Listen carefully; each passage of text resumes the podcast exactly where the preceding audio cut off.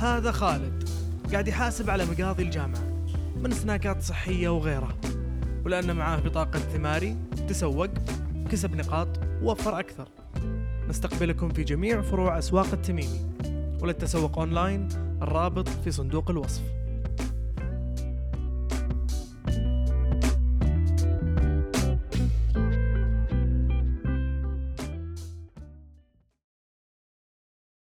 إيش الحرف اللي يجي قبل حرف الأس من كلمة سويت في اللغة الإنجليزية؟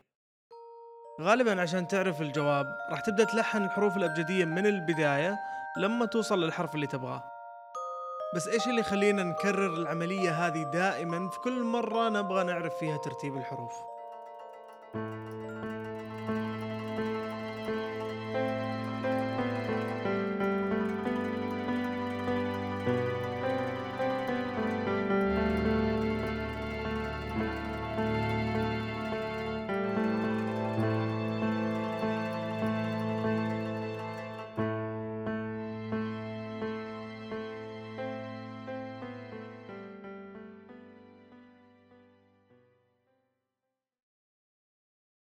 قبل أسبوعين تقريبا صحيت من النوم وأنا منزعج بشكل مو طبيعي.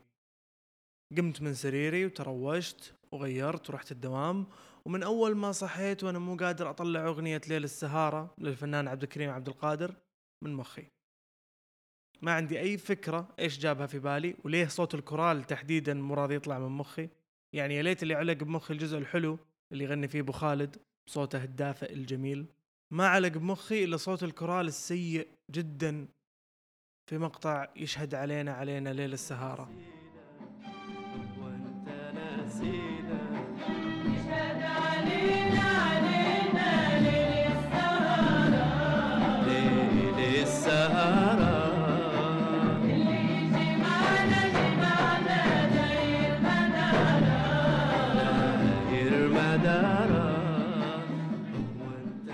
قلت لازم أشوف وش السالفة. يعني الموضوع كلنا نعاني منه ودائما نسمع شخص يقول هذه الأغنية تعلق في المخ. أو شخص يتضايق لما يسمع أغنية معينة لأنه يدري إنها بتعلق في مخه طول اليوم. زي أغنية بيبي شارك مثلا. فبعد البحث والتحري مع كاسة شاي نظيفة اكتشفت إن الموضوع مو بسيط والناس شغالين عليه ويدرسونه من سنين. صراحة ما كان في بالي أدور طريقة أتخلص فيها من هذا الشيء متى ما حصل. أكثر من إنه ليه هذا الشيء قاعد يصير وكيف؟ وهل ممكن إنه صناع الموسيقى يعرفون طريقة يخترقون فيها المخ ويطبعون أغانيهم في مخي؟ ولا المشكلة فيني أنا؟ طيب اليوم علقت معاي الأغنية أول اليوم بس. المرة الثانية يوم كامل. هل ممكن يوم من الأيام تعلق معاي أغنية لوقت أطول؟ وعشان تكمل الدراما هل الموضوع ممكن يوصل لمرحلة خطرة وتعلق في بالي أغنية لباقي حياتي؟ وأجن؟ تقريبا 90% من البشر تتكرر معاهم هذه الظاهرة على الأقل مرة في الأسبوع.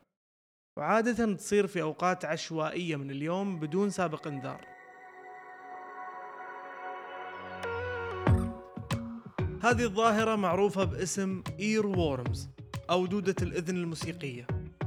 وتتميز الأغاني اللي دائما نتذكرها واللي تعلق في مخنا بإيقاعها السريع وكلماتها السهلة. وغالبا تكون أغاني مألوفة سمعناها قريب أو تكرر ظهورها في إعلان معين مثل أغنية عطر عمرو دياب في اليوتيوب. الإير وورمز هي مثال على التصور العقلي اللي ممكن يكون بصري وممكن يكون سمعي. زي لما تغمض عينك وتتخيل أي منظر تقدر تتخيل أي شيء تسمعه. وتصنف الإير وورمز من الصور السمعية.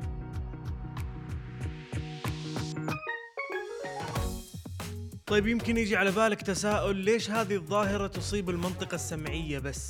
ليش الأغاني بالتحديد هي اللي تعلق بمخنا لهالدرجة؟ ليه مو لوحة جميلة أو طعم أكلتنا المفضلة؟ ليش السمع بس ممد كل الحواس؟ دام إنه جاء في بالك هذا التساؤل فركز معي شوي. السبب راجع لطريقة عرض الموسيقى في الذاكرة. لما نسمع أي أغنية المخ مبرمج إنه يتوقع النوتة الجاية أو اللحن الجاي وما يقدر يفصلهم عن بعض. فتلاحظ إنك لما تبي تتذكر مقطع من أي أغنية لازم تبدأ من بداية الأغنية عشان تسهل عليك وتوصل للمقطع اللي تبيه. علميا الإير وورمز تصير في منطقة في الدماغ اسمها القشرة السمعية. الدماغ يخزن معلومات الأغنية بالتحديد في الحلقة الصوتية وهي الذاكرة قصيرة المدى في القشرة السمعية. واجد معلومات. ما حد قالك تتساءل؟ فلما تصيبك الحالة يحاول الدماغ بأي طريقة أنه يعبي الفراغات ويسترجع المعلومات. وهذه الحالة تصير لعدة أسباب.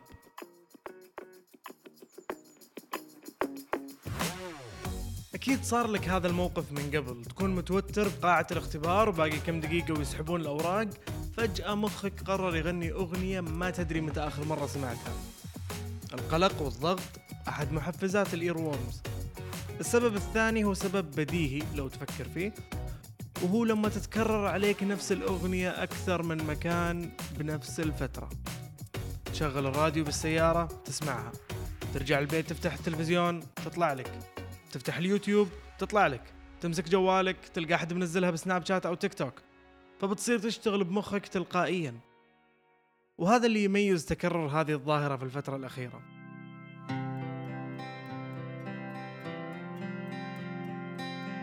يرجح العلماء أن تطور التكنولوجيا له دور كبير لأن قبل كانوا الناس وين وين يسمعون أغاني. أقصد قبل ظهور إذاعات الراديو وغيره. فالموضوع يتطور مع الزمن. ففي الماضي كان الواحد مضطر أنه يروح إلى قاعة أو حفل عشان يسمع موسيقى أو يسمع أغاني. لكن الحين تقدر تسمع الأغاني في كل مكان وفي أي وقت.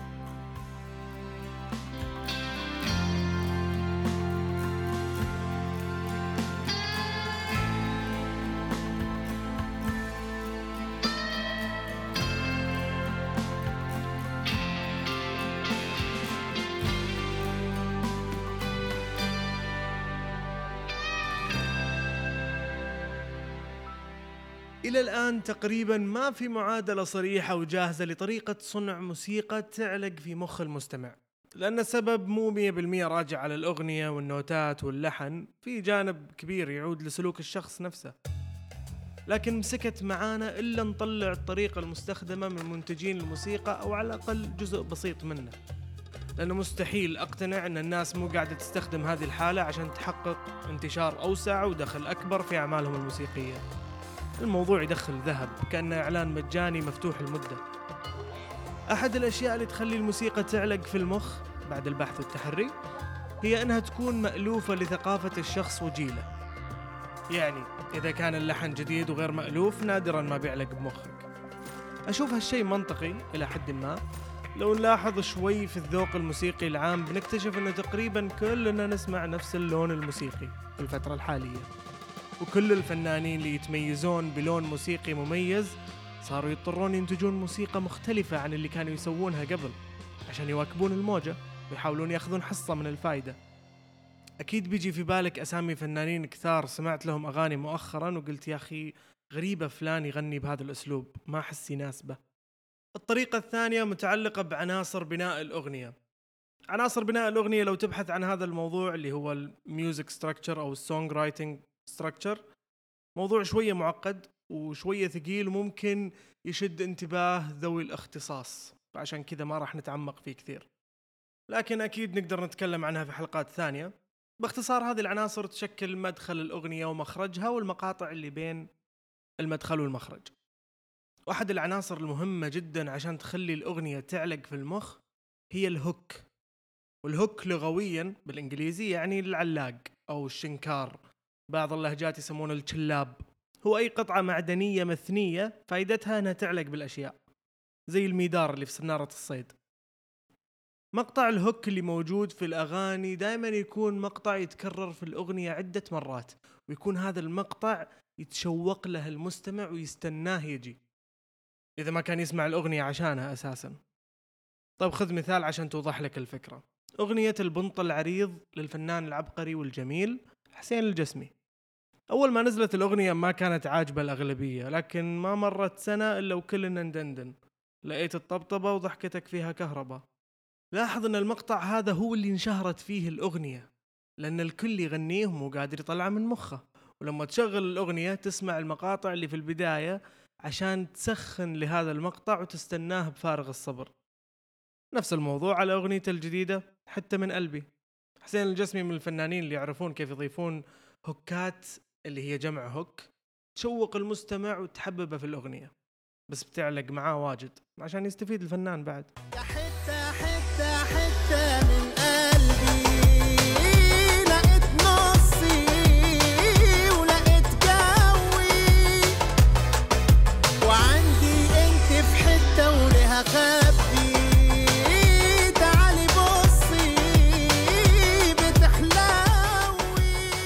ندخل في المحور الثاني خل نريح شوي ونرقص. مرة أحب مقطع الإيقاع في أغنية حتى من قلبي فبشغله شوي عن خاطري يعني.